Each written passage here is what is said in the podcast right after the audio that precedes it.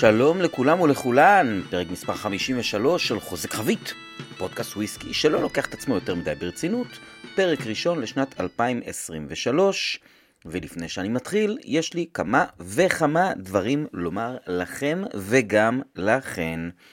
אז אה, ככה, דבר ראשון, וואה, תשמעו, לקחתי שלוק הרגע של אה, אה, אוקטובר 12.2, וזה חומר די מרשים. ובכן, אז ככה, דבר ראשון, יש מאזינים ומאזינות שפונים אליי ואומרים לי, אה, למה פספסתי את הסדנה הזאת, או איך לא ידעתי שהגיע בקבוק זה. זה מכיוון שאתם אינכם מכותבים למיילינג ליסט של האתר. אז אה, אם תרצו להיות מעודכנים מבעוד מועד, בבקשה להיכנס לאתר ומקף אמצעי omf.com ו-the, מקף אמצעי אומף, שזה כמו עומר אבל עם f כמו father בסוף, נקודה com, ושלחו לי פנייה בקטגוריית צור קשר, בבקשה להיכנס ל mailing list, וכך תהיו מעודכנים. דבר שני, אם אנחנו כבר בפעילות אינטרנטית, אשמח אם תעשו subscribe לפודקאסט באפליקציה או ביישומון שבעזרתו אתם מאזינים. אה, אפשר גם לדרג אותי בכמה כוכבים אם תרצו, כן, אני לא מלון אבל אפשר לדרג אותי. אה, אני אשמח לחמישה, אבל כמה שנראה לכם שמגיע לי. והדבר השלישי, ובכן, תראו, החלטתי לא לעשות סיכום שנה, כי כבר התחילה שנה חדשה, וכבר אני זז, וכבר יש פעילות, ורציתי לעשות סיכום יחסית רציני, וזה כבר ייקח יותר מדי זמן, אוקיי? אז אני אעשה את זה בשנת 2023, אני מבטיח שיהיה סיכום רציני לשנה הזו, אבל אני אה, כן רוצה לומר בקצרה שהייתה לי שנה די משוגעת. עם 21 פרקים של הפודקאסט, עם uh, מגוון די יפה של אורחים, מהארץ ומחו"ל, ועם 12 סדנאות של CSFC, ועם מלא מלא מלא סדנאות אחרות. ואם מישהו היה מספר לי בינואר 22, שבינואר 23, uh, אני אייבא וויסקי ורום, ואני אהיה שגריר וויליאם גרנט בארץ, אז הייתי ממליץ לו על טיפול uh, תרופתי, נפשי כמובן. בדגש על ההזיה שהוא הזה, על הביקור בבלוויני. ובתכלס אחרי כל הדברים האלה, יותר מהכל, אני הכי נהנה לפגוש מאזינות ומאזינים בסדנאות ובאירועים, ואני אתן לכם דוגמה אה, ממש מהזמן האחרון, היה את ה whisky trail של דרך היין, ב-29 לדצמבר, יום חמישי אה, לא האחרון, זה שלפניו, לפני שהפרק הזה עולה. ואני איישתי שם את העמדה של William Grant and Sons, ופגשתי מספר דו-ספרתי של מאזינים, וזה היה פשוט כיף ומרגש ונחמד ומצחיק ומשעשע כל פעם מחדש. אז uh, אני רוצה להחזיר, ואני לא באמת יכול להחזיר לכולם, אוקיי? זה לא, זה לא ריאלי. אז מה שאני מבקש, uh, תנו איזה ציוץ בצוויצר או איזה פוסט בפייסבוק או באינסטגרם אה, או במקושרים או בחבר'ה, רק לא בטיקטוק, אני לא בטיקטוק, אני מבוגר מדי לטיקטוק. אז תעשו איזה פוסט כלשהו או ציוץ כלשהו ותמנשנו אותי או תתייגו אותי ותספרו על הבקבוק שקניתם בזכות הפודקאסט שעשה לכם הכי כיף בשנת 2022. עדיף בצורה הומוריסטית במיוחד, אני מראש אומר אין אה, ניקוד נוסף על אם הבקבוק הזה הוא ריגר סלקשן, סבבה? תעשו מה שאתם רוצים. ואני מיניתי שופטת שתחליט מה הכי בכיף ומה הכי בסבבה והכי מצחיק.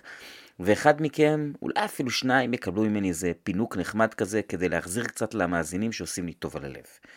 אז אני נותן לזה כמה ימים מרגע שהפרק עולה, ואני אה, אצור קשר עם מי שמגיע לו פינוק.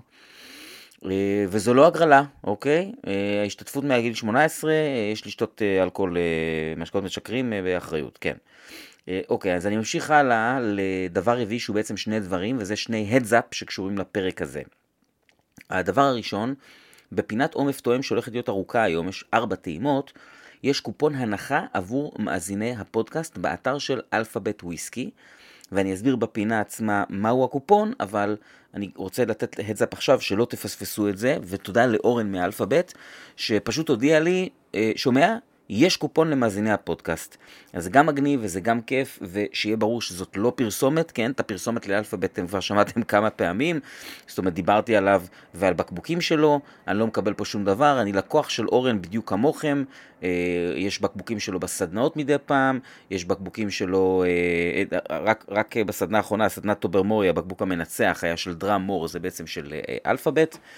ויש בקבוקים שלו אצלי בבר, אז uh, uh, זהו, אוקיי? אז הדסאפ שני, ממש בסוף הפרק, מי שמעניין אותו לשמוע קצת על התכנונים שלי לשנה הקרובה, אני כמובן לא חושף את כולם, אבל יהיו טיזרים, uh, מספר טיזרים, למה הולך לקרות ב-2023 בחוזק חבית. ודבר אחרון, אני מתחיל להקליט עכשיו השעה 1.57, שעה יפה להקליט בפרק, כן, 1.57 בלילה.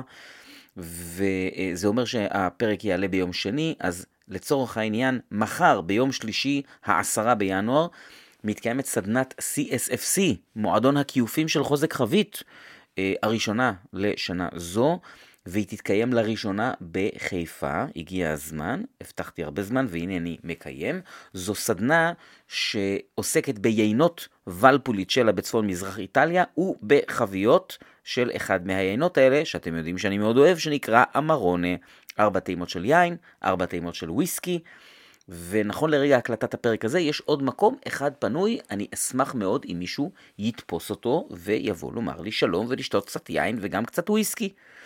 אז אה, זהו, סדנה ראשונה בחיפה, אה, בהחלט לא אחרונה, מרגש, כיף, וזהו, יאללה, חלאס חפירות, בואו נתחיל עם הפרק ונעבור לפינת החדשות.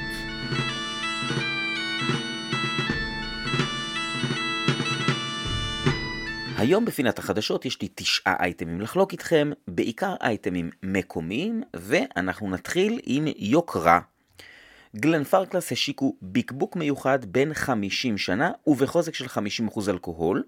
להבנתי זה לא חוזק חבית, אלא חוזק שהתאימו אותו בגלל, או בהתאמה כמובן, לגיל. אז בואו נגיד, כך או כך, זה חוזק מדהים לגיל כזה, לגיל כזה, אם, אם זה... אם זה מדולל אז אפילו עוד יותר מרשים, כן? זה ממש הרבה מאוד אלכוהול ל-50 שנה.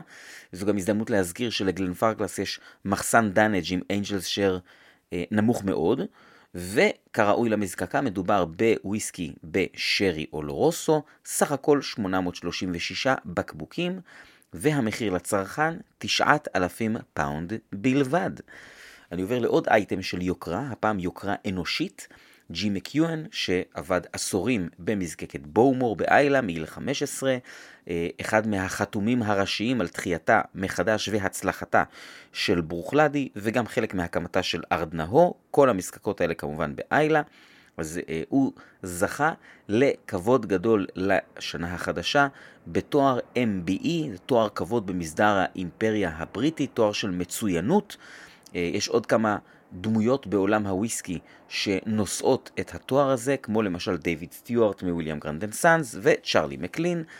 אה, מהזווית הקטנה שלי כחובב ברוכלדי אני כמובן שמח, העלה לי חיוך על הפנים לראות את הדבר הזה. אה, בניגוד לכדורגל, בוויסקי יש מגיע, אז מזל טוב ג'ין. אני מציין שגם מנכ"ל דיאג'ו, שאני מקווה שאני אומר את השם שלו נכון, איוון מנזס או מנזס, בכל אופן גם הוא זכה לתואר הזה, מכהן בתפקידו מיולי 2013, עובד בדיאג'ו מ-97. נעבור לאייטם הבא עם איזשהו קשר עקיף. מזקקת ברוכלדי, שכבר שמעתם לפחות פעמיים שמשקיעה המון באיכות הסביבה, אז היא אה, בנתה איזה מין אה, ציפוי כזה על בניין מגורים בשכונת שורדיץ' בלונדון, והסיפוי הזה הוא מין מטהר אוויר, מטהר אוויר במובן של מפרק זיהום אוויר, לא במובן של עץ ריח. ודרך אגב, השבוע בשיחה עלתה אפשרות אולי אה, לייצר stave ריח, אה? מה אתם אומרים על זה? לשים באוטו stave ריח שנותן ריח של נגיד וויסקי בשרי או לורוסו. אה? למרות שזה יכול להיות בעיה קצת עם שוטרים. לא משנה, בכל אופן, אני חוזר לקיר בשורדיץ', אז... אה, אני לא כימאי, אני לא יודע איך זה עובד, והאמת היא שגם לא היה לי כל כך זמן להשקיע בזה זמן ולגלות איך זה עובד, אבל בגדול מה שהחבר'ה שם טוענים, שבחודש שבו הדבר הזה קיים, הם כאילו נטרלו את זיהום האוויר שלו אחראיות 700 מכוניות, אז uh, זה יפה, וגם הקיר עצמו מאוד יפה, יש לה בקבוק מאוד גדול של קלאסיק לאדי, וכתוב עליו We make change, we make progress, we also make whiskey. איזה מזקקה אדירה זאת ברוכלדי. אני עובר הלאה. חוקרים מאוניברסיטת הריוט וואט באדינבורו מבצעים מחקר במספר זנים של שעורה ממקומות שונים ותקופות שונות כדי לבדוק את הוויסקי אשר מיוצר מהזנים הללו. אה, את זה הם עושים בעזרתה של מזקקה די חדשה מאדינבורו, מזקקה בשם הולירוד שהוקמה ב-2019. התזקיק אמור להתיישן במשך כשש שנים, והמחקר בעצם הולך לעסוק בניתוח הטעמים והשונות בין זני השעורה השונים והתזקיק שיצא מהם, לדוגמה, זן שעורה צ'כי בשם הנה, או זן שהיה פופולרי לפני 200 שנה בבריטניה בשם שווליה, נשמע כמו שם צרפתי. אז זהו, אני עובר הלאה לארבעה אייטמים ברצף שהם אה, אפילו שלושה וחצי אייטמים שהם כולם מקומיים. אה, דרך היין הביאו בקבוקים משלוש חוביות בודדות מבית ברי ברוזנרד, שאתם את הבלנדד מלטים שלהם כבר מכירים מפינת עומף תואם, וגם שמעתם להם בפינת היסטוריה, אה, דעתי עליהם טובה מאוד. ומה שבעצם הגיע הם גלן מורי בן 12 בחבית ברבן, אולטמור בן 9 בריפיל ברבן, והיילנד פארק בן 12 בברבן, תחת השם אורקני איילנדס. נותן לכם פה טיזר ראשון לפינת ההיסטוריה וגם פינת עומף תואם.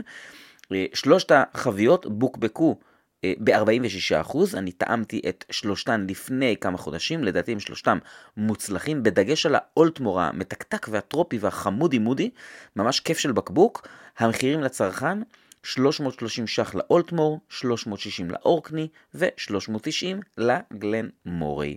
אני ממשיך על שני אייטמים שהם בעצם אייטם וחצי, אני מתחיל עם גילוי נאות, אני מזכיר שאני מייצג את הבית שאני הולך לדבר עליו אה, בארץ. אה, אני גם מציין כמובן שאני לא מרוויח שום דבר מזה שתקנו או לא תקנו את הבקבוקים האלה.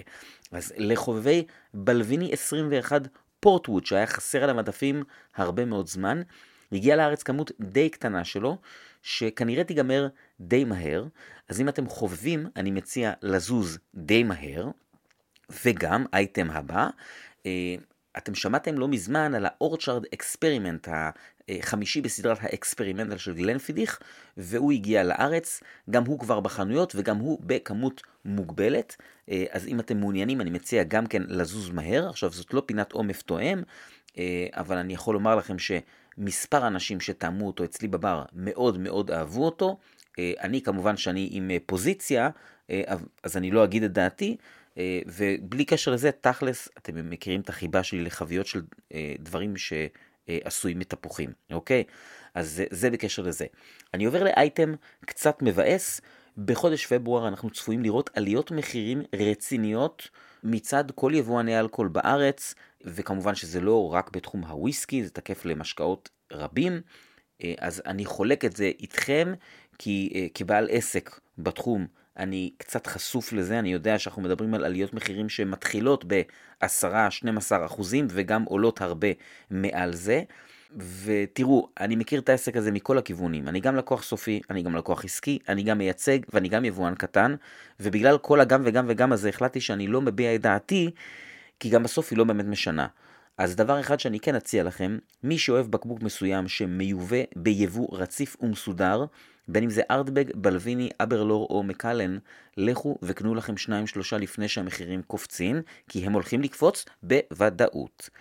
ואני עובר לאייטם מספר 9, ואייטם אופטימי כדי לסיים את הפינה הזו עם חיוך. החודש תבוקבק החבית הראשונה של ירושלמי, אשר בקבוקים ממנה נמכרו לפני כשלוש וחצי שנים, אני חושב, אה, בהדסטארט כזה, היה איזה מימון המונים, מכרו מראש בקבוקים, חלקם בחוזק החבית וחלקם אה, בחוזק שהוא לא חוזק החבית, אני לא זוכר, נדמה לי שזה 46 אחוז. בכל אופן, או הנה החתול הגיע, אה, חתול ירושלמי, בואי, פס פס. אז בכל אופן, אה, אירוע החלוקה של מי שרכש בקבוק כזה מראש יהיה ב, אה, בסוף החודש, ב-26 לינואר בירושלים. אני לצערי הרב לא יכול להיות בו, מכיוון שיש באותו הערב סדנה של CSFC, סדנת לפרויג בזום. אז אה, מה שלשמחתי אני יכול לומר, שאני עשיתי מעשה נבון לפני שלוש וחצי שנים, ורכשתי מבעוד ומועד בקבוק אחד בחוזק החבית, אני מאוד אתרגש לקבל אותו, מכיוון שלפני שבועיים פגשתי את ניתאי, והוא נתן לי לטעום מהחבית הזאת, ותשמעו, זה חומר מיוחד מאוד, גם ביחס לירושלמי שאתם יודעים שאני אוהב. זו חבית מאלון אמריקאי, שיושן בה למשך כחצי שנה רום של ירושלמי, ואז נכנס אליה התזקיק, כאמור החבית הראשונה של ירושלמי, והרום הזה בהחלט מורגש, טעים בשיגעון, ויאללה, שיהיה בשעה טובה גם לניתאי מורגנשטרן וגם לדייוויד סיבל, אתם שמעתם כל אחד מהם בנפרד בפרק, את דיוויד לאחרונה, את ניתאי כבר לפני כמה וכמה זמן, את החיבה שלי לנוזל שהם מייצרים אתם כמובן מכירים, וזהו, ברוכס והצלוחס, ויאללה, בואו נעבור לפינת ההיסטוריה.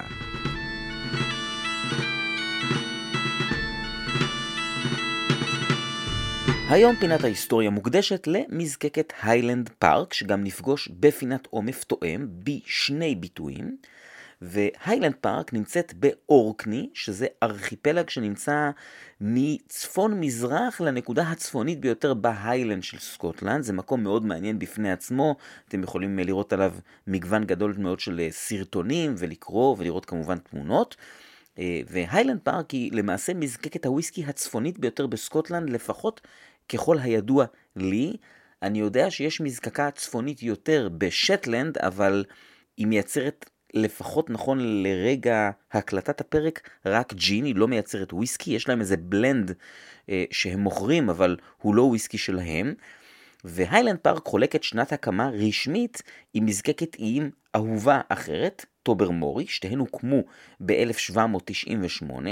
עכשיו, לציין שהשנה הזו היא לא מידע שהוא 100% בטוח, וזה בגלל שזיקוק וויסקי, שהיה לרוב לא חוקי וללא רישיון בתקופה הזו, היה די נפוץ באורקני, היו שם כמה וכמה מזקקות, אז בהחלט יכול להיות שבאתר שבו היילנד פארק נמצאת היום הייתה מזקקה, אולי אפילו יותר ממזקקה אחת, בכמה שמות שונים.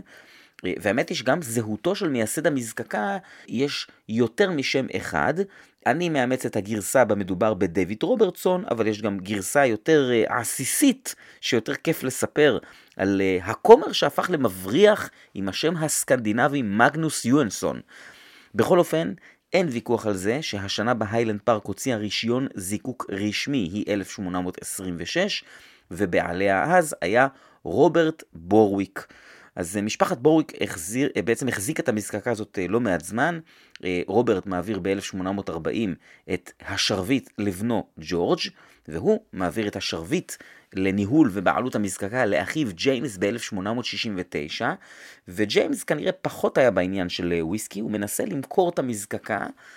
ולמעשה עד 1895 יש שם איזה כמה בעלויות, כמה חילופי שותפים כאלה, אה, ביניהם וויליאם סטיוארט שהוא בעליהם, אה, בעליהם של או בעליה של מזקקת מילטון דף, ובסופו של דבר, אחרי עשר שנים שבהן הוא אה, נקרא לזה מין שותף כזה, ב-1895 המזקקה עוברת לבעלותו היחידה של ג'יימס גרנט, שהגיע ממזקקת גלן ליבט. ובעצם הוא לוקח אותה תחת חסותו ותחת בעלותו לחלוטין, 1895, והוא לוקח את המזקקה הרבה קדימה, הוא בעצם מגדיל אותה, מכפיל את מספר הדוודים משניים לארבע, ואני גם מציין שצריך לזכור את ההקשר הרחב, זו תקופה מאוד טובה בתעשיית הוויסקי. הסקוטית, הרבה מזקקות נפתחות, אז כמובן שאני לא מוריד מהישגיו הנאים של מר ג'יימס גרנט, אבל צריך לקחת גם את ההקשר ההיסטורי, זה בעצם תקופה שמאוד קל להצליח בה, או לא יודע אם מאוד, אבל קל להצליח בה, בתעשיית הוויסקי, ולמעשה אה, הוא מחזיק במזקקה תקופה ממושכת, כשהיא נרכשת ב-1937 על ידי חברה בשם Highland Distillers, וממש בקצרה, Highland Distillers זו חברה שבעצם נוסדה ב-1887 כאיחוד של שתי מזקקות שהן די חדשות בעצמן, Bunnahabhain מהאי איילה שהייתה אז רק בת 6, ו Glenrothes מהספייסייד שהייתה כבר בת 9, אז בעצם Highland Distillers הייתה איחוד של שתיהן, והיא הייתה מין נקרא לזה כמו אה, זרוע הייצור, זרוע הייצור המלטים, שבעיקר אה, ייצרה מלטים לבלנדר די גדול בשם Robertson & Baxter. היא הייתה בקשר עם כל מיני יצרנים, כולל וויליאם גרנט שהיה דירקטור בחברה, וויליאם גרנט עצמו, כן, לא William Grant & Sons, וויליאם גרנט שהקים את Glenfiddich ו Balvenie.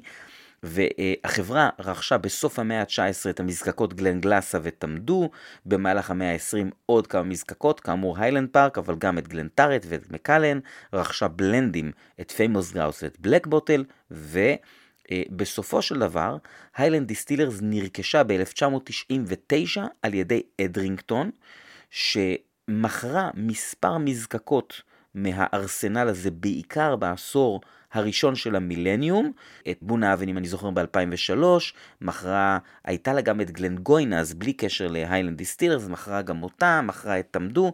בעצם כיום Edrington היא עדיין הבעלים של Highland Park, יחד עם Macallan ו Glenrothes.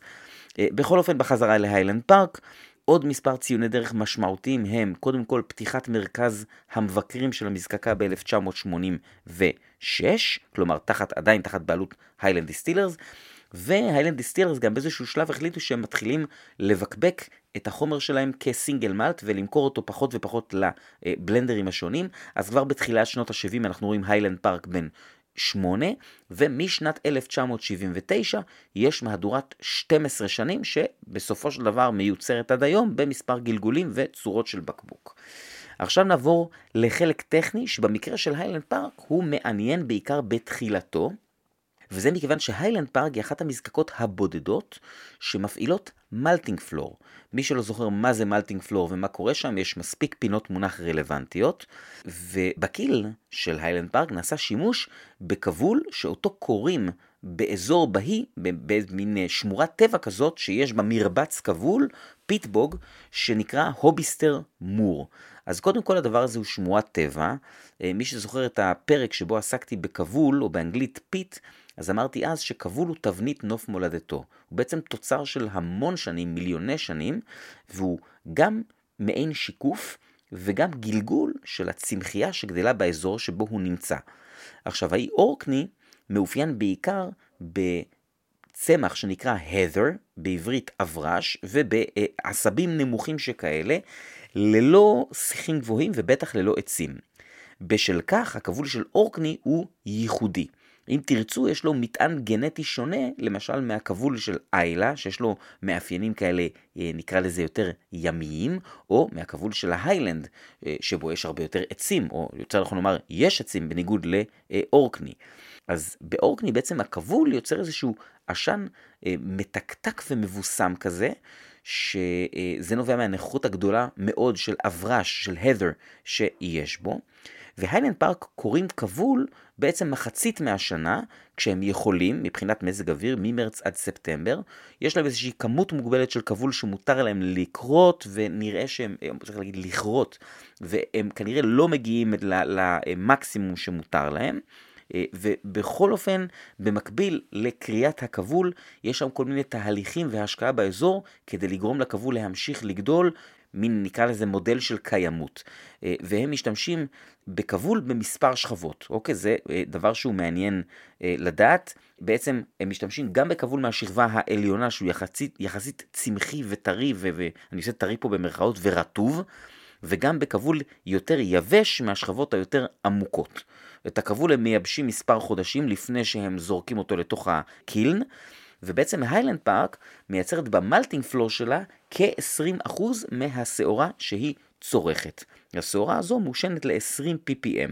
מי שלא זוכר מה זה ppm, גם על זה יש אה, פינת מונח, ועכשיו זה גם מקום טוב להזכיר שהנתון הזה של ppm הוא לא חזות הכל, כלומר, 20 ppm של כבול מאורקני הם לא 20 ppm של כבול מאיילה, כי זה ppm של משהו אחר, אוקיי?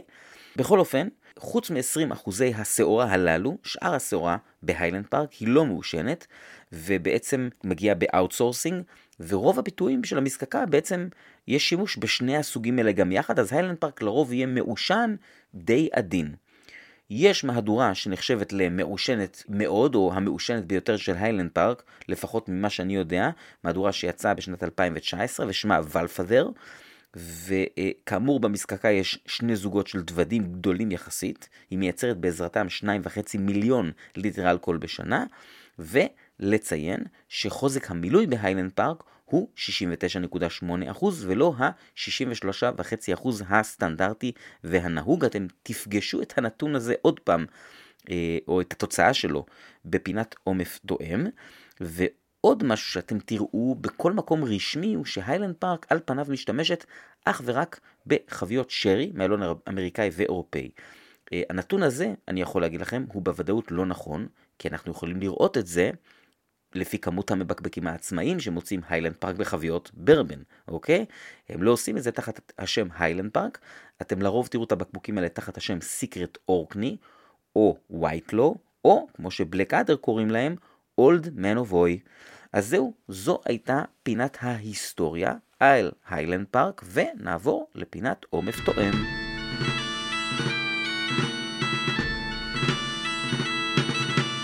היום בפינת עומף תואם יש לי ארבע טעימות לחלוק עמכם, שתיים מאותה המזקקה עליה דיברתי כרגע, ושתיים מהן קיבלתי מאורן מאלפאבית וויסקי. עשיתי בעצם הזמנה של כמה בקבוקים, חלק לבר וחלק לסדנאות, והוא הביא לי שני סמפלים עם פתקים מקופלים ואמר לי, תשמע, אתה רוצה, תעשה טעימה עיוורת, אתה לא רוצה, תפתח ותראה מה יש לך שם.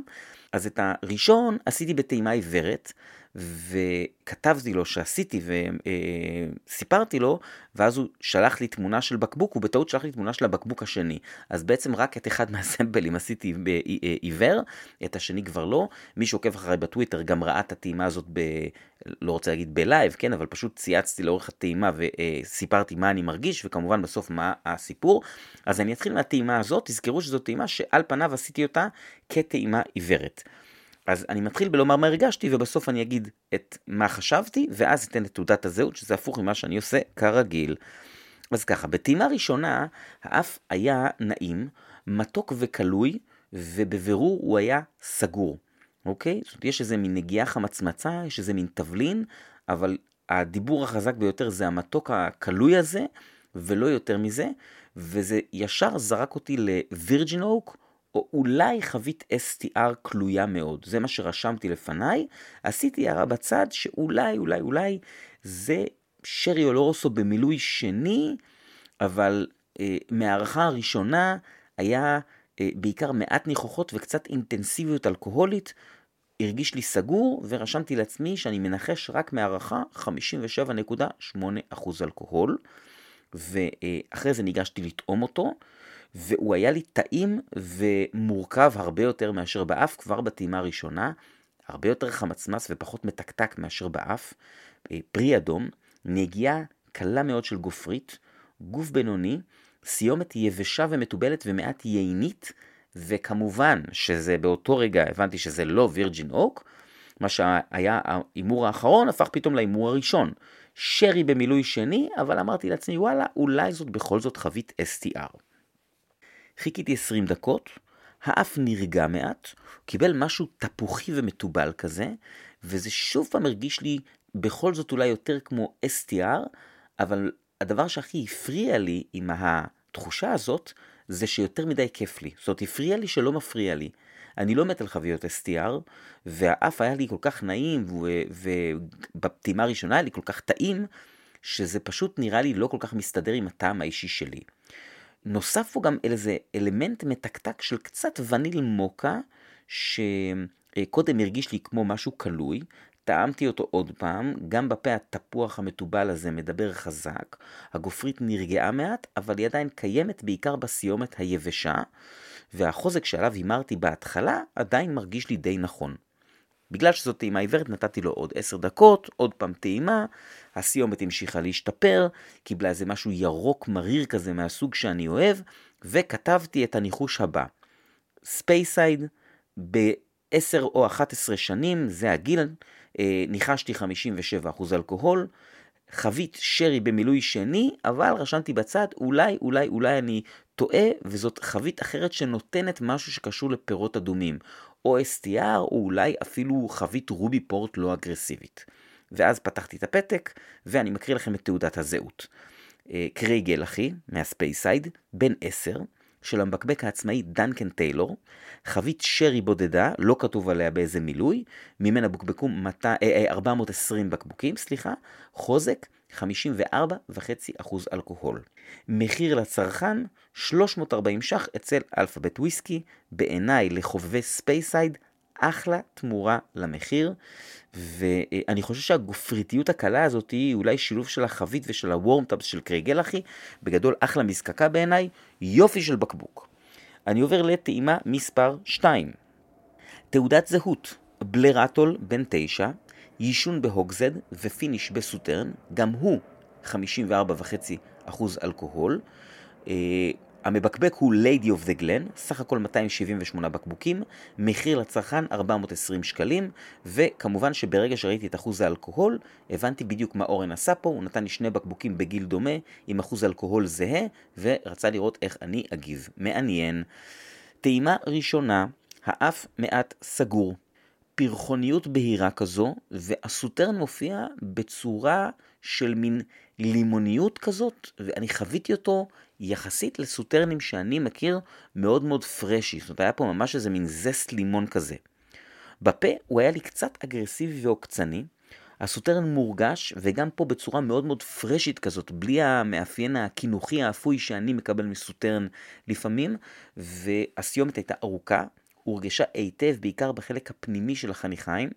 אני מנחש שבטעימה עיוורת גם פה הייתי בכיף מנחש 58-59% אלכוהול. אה, סך הכל התחלה לא כל כך מבטיחה, אבל כפי שאתם יודעים, אני אה, בהחלט חושב שוויסקי צריך רגע בכוס להירגע, אני יודע שלא כולם חושבים ככה, זה בסדר גמור. אחרי 20 דקות האף נרגע, השתפר, הוא קיבל מנעד הדרי יותר גדול, יש פה גם מין קליפת תפוז כזאת, והקטע האפוי קינוחי של הסוטרן יצא מעט, אבל הוא עדיין מרגיש לי כאילו הוא יכול לתת הרבה יותר. גם בחך יש שיפור מהטעימה הראשונה, משהו פירותי נוסף שקצת מזכיר אפרסק, ועדיין יש פה הרבה מאוד כוח, והחלטתי שבניגוד לרוב הטעימות, אני מוסיף פה איזה 5-6 טיפות מים ומחכה עוד מעט. המים יצרו אפקט מאוד מעניין. כל ה dram הזה קיבל איזה משהו קצת קליינלישי, גם באף וגם בפה, כאילו טפטפתי לתוכו לא טיפות של מים, אלא טיפות של קליינליש. היה פה איזה מין נגיעה שעוותית כזאת, שבאף כמעט הסתירה את הסוטרן, אבל בפה השתלבה בו די יפה. הוא פשוט הפך להיות מין וויסקי קצת old school כזה. שורה תחתונה, זה dram מאוד מעניין.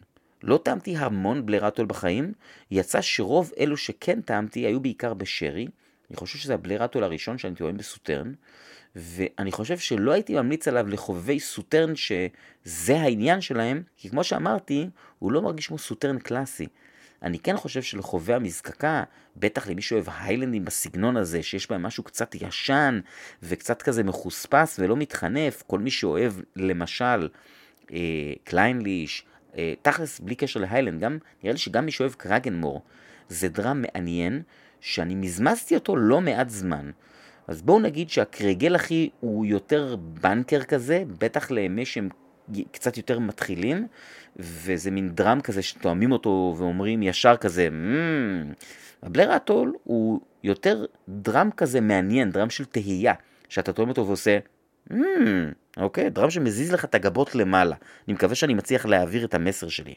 אז זהו, אז אחרי שטעמתי את שני החברים האלה, ובהמשך אה, להקדמה של הפרק, מי מכם שאחד הבקבוקים הללו נשמע לו טעים, ייכנסו לאתר של אלפאבית, פשוט תכתבו בגוגל אלפאבית וויסקי, ואחרי שתבחרו מה שבא לכם מהמגוון הדי עשיר שיש שם, אתם יכולים להקליד במעמד התשלום את קוד הקופון fun 10 F גדולה U קטנה, N קטנה ו-10, כן? fun כי כיף, וויסקי זה כיף.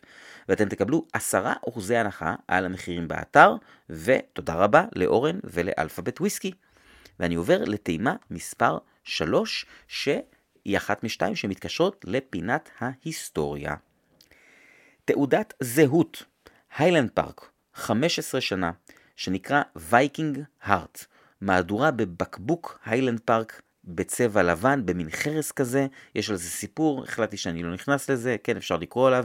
אה, זאת מהדורה שהושקה בשנת 2021, 44 אחוזי אלכוהול, חביות שרי בלבד, בעיקר אירופאי, גם אמריקאי, בעיקר מילוי ראשון, קצת refill, מחיר לצרכן, כ-630 שקלים. טעימה ראשונה, האף פשוט מעולה מהשנייה הראשונה. שרי, עשן עדין עם משחק פרחוני מתוק מצד שני גם קצת יבש, משהו קצת תפוזי, שטיפה הזכיר לי את סגנון השרי של תמדו, שהאמת שזה לא מפתיע, כי כשהברנש הזה זוקק ונכנס לחביות, תמדו עדיין הייתה בבעלותה של אדרינגטון. בכך הוא גם חזק וגם מעושן משציפיתי, אוקיי? זאת אומרת, הוא ממש, הוא לא הרגיש לי 44% אלכוהול, והוא הרגיש לי יחסית להיילנד פארק מעושן מאוד. לא לפרוי כמובן, כן, אבל וואלה, הפתעה מאוד מאוד נעימה. השרי מצליח להיות גם עדין וגם מאוד נוכח. יש פה ממש חך מתפתח כזה שמתחיל עם הדגש של השרי והברשיות והמתקתקות, ופתאום מקבל עשן שמתעצם ומתייבש, ואז הוא נרגע לסיומת ארוכה, יבשה, מתובלת וממש ממש מעט מרירה. יופי של דראם. על הטעימה הראשונה, שדרוג אדיר לעומת ההיילנד פארק 12 שנה. לעניות דעתי, אני מדבר מזיכרון, אבל לא מזיכרון רחוק, הוא בהחלט לא נופל מה-18 שנה, יש מצב שאפילו יותר מוצלח ממנו. במילה אחת, nice. אחרי 20 דקות, האף מעט יותר מעושן ומתקתק, והוא קיבל מין קצת כובד כזה. התפוז נעלם, והמתיקות קיבלה איזה מין טוויסט של אננס.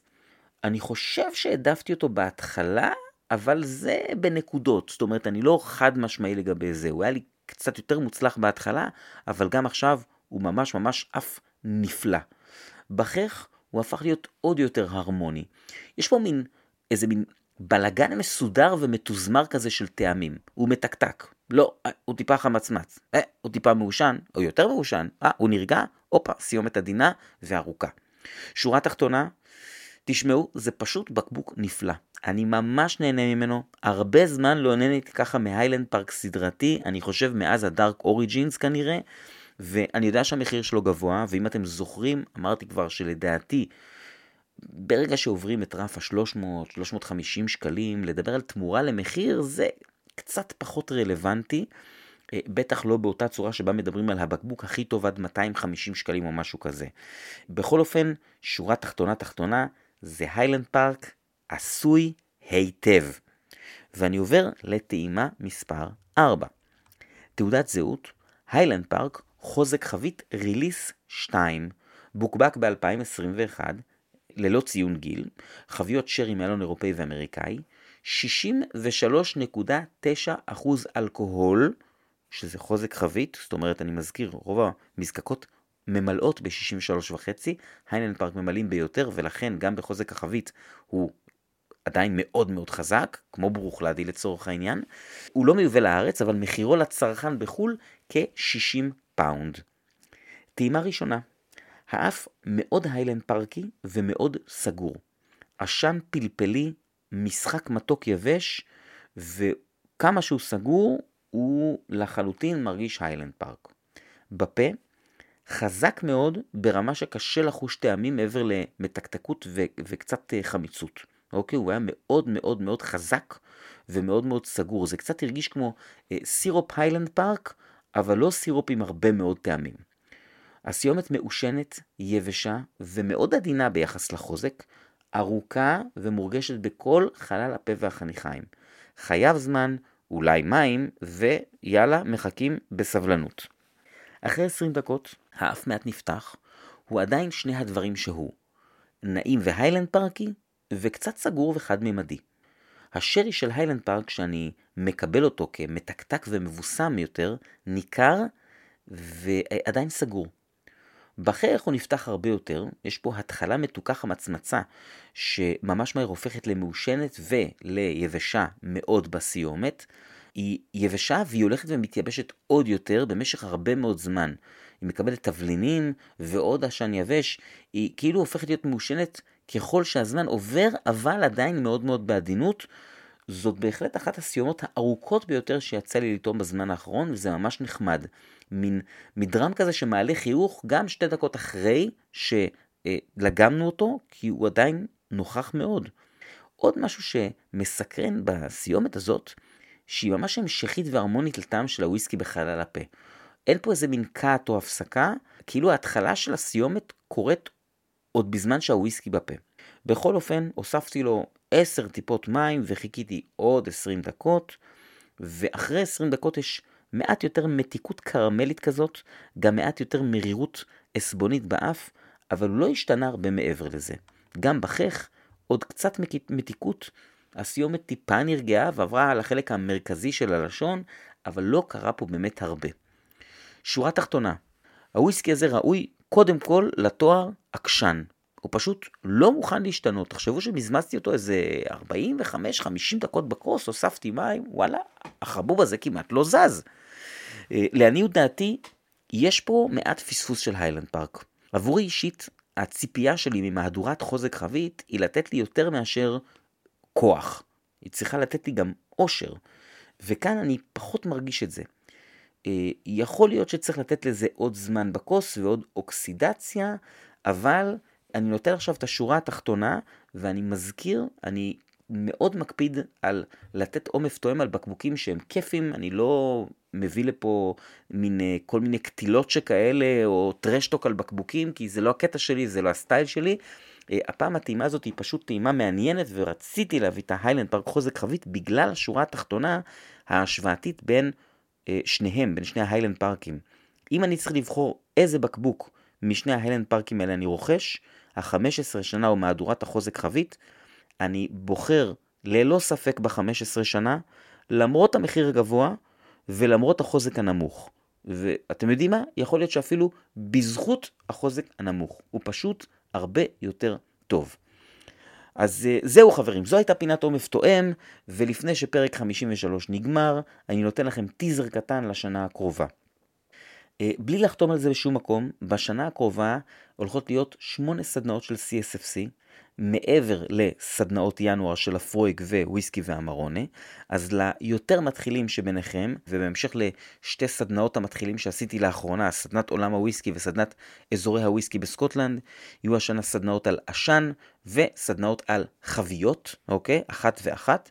בנוסף לזה יהיו השנה סדנאות על המזקקות הבאות, בנביס, דינסטון, ארדבג, טורמור, בלוויני ורויאל לוכנגר. בכל הסדנאות האלה יהיו שמונה טעימות, אולי אפילו אחת מהן עם תשע טעימות. אני מראש אומר, אני עדיין לא יודע מתי, אני עדיין לא יודע איפה, ואני בהחלט לא משריין מקומות מראש עד לרגע שזה קורה. בנוסף לכל הכף הזה, אה, יהיו שלוש טעימות של רום ארטזנו, יהיה מבקבק עצמאי חדש שיגיע לארץ די בקרוב, במשלוח משולב עם ריגרס וארטזנו. יש פרויקט חדש, שמי שעוקב אחריי בטוויטר ובאינסטגרם ראה. בשבוע שעבר רכשתי חבית מאלון צרפתי, שעברה שישה שימושים ביקב ספירה, שזה יקב מדהים בבעלותו של היינן דורון רבון, שמייצר רק יין לבן ובאיכות מאוד גבוהה. והחבית הזאת הולכת לעבור הכשרה, מכיוון שהיקב אינו כשר, ולי חשוב שהחבית הזאת כן תהיה כשרה, והולך להיכנס אליה בקרוב מאוד new make ישראלי. על זה אתם בהחלט הולכים לשמוע עוד. אז יאללה, זה היה פרק 53, שתהיה לכם ולכן 2023 מדהימה. תעשו איזה ציוץ, דברו קצת על הפודקאסט, תתייגו, תעשו subscribe, ואולי אחד מכם יקבל ממני פינוק. ביי!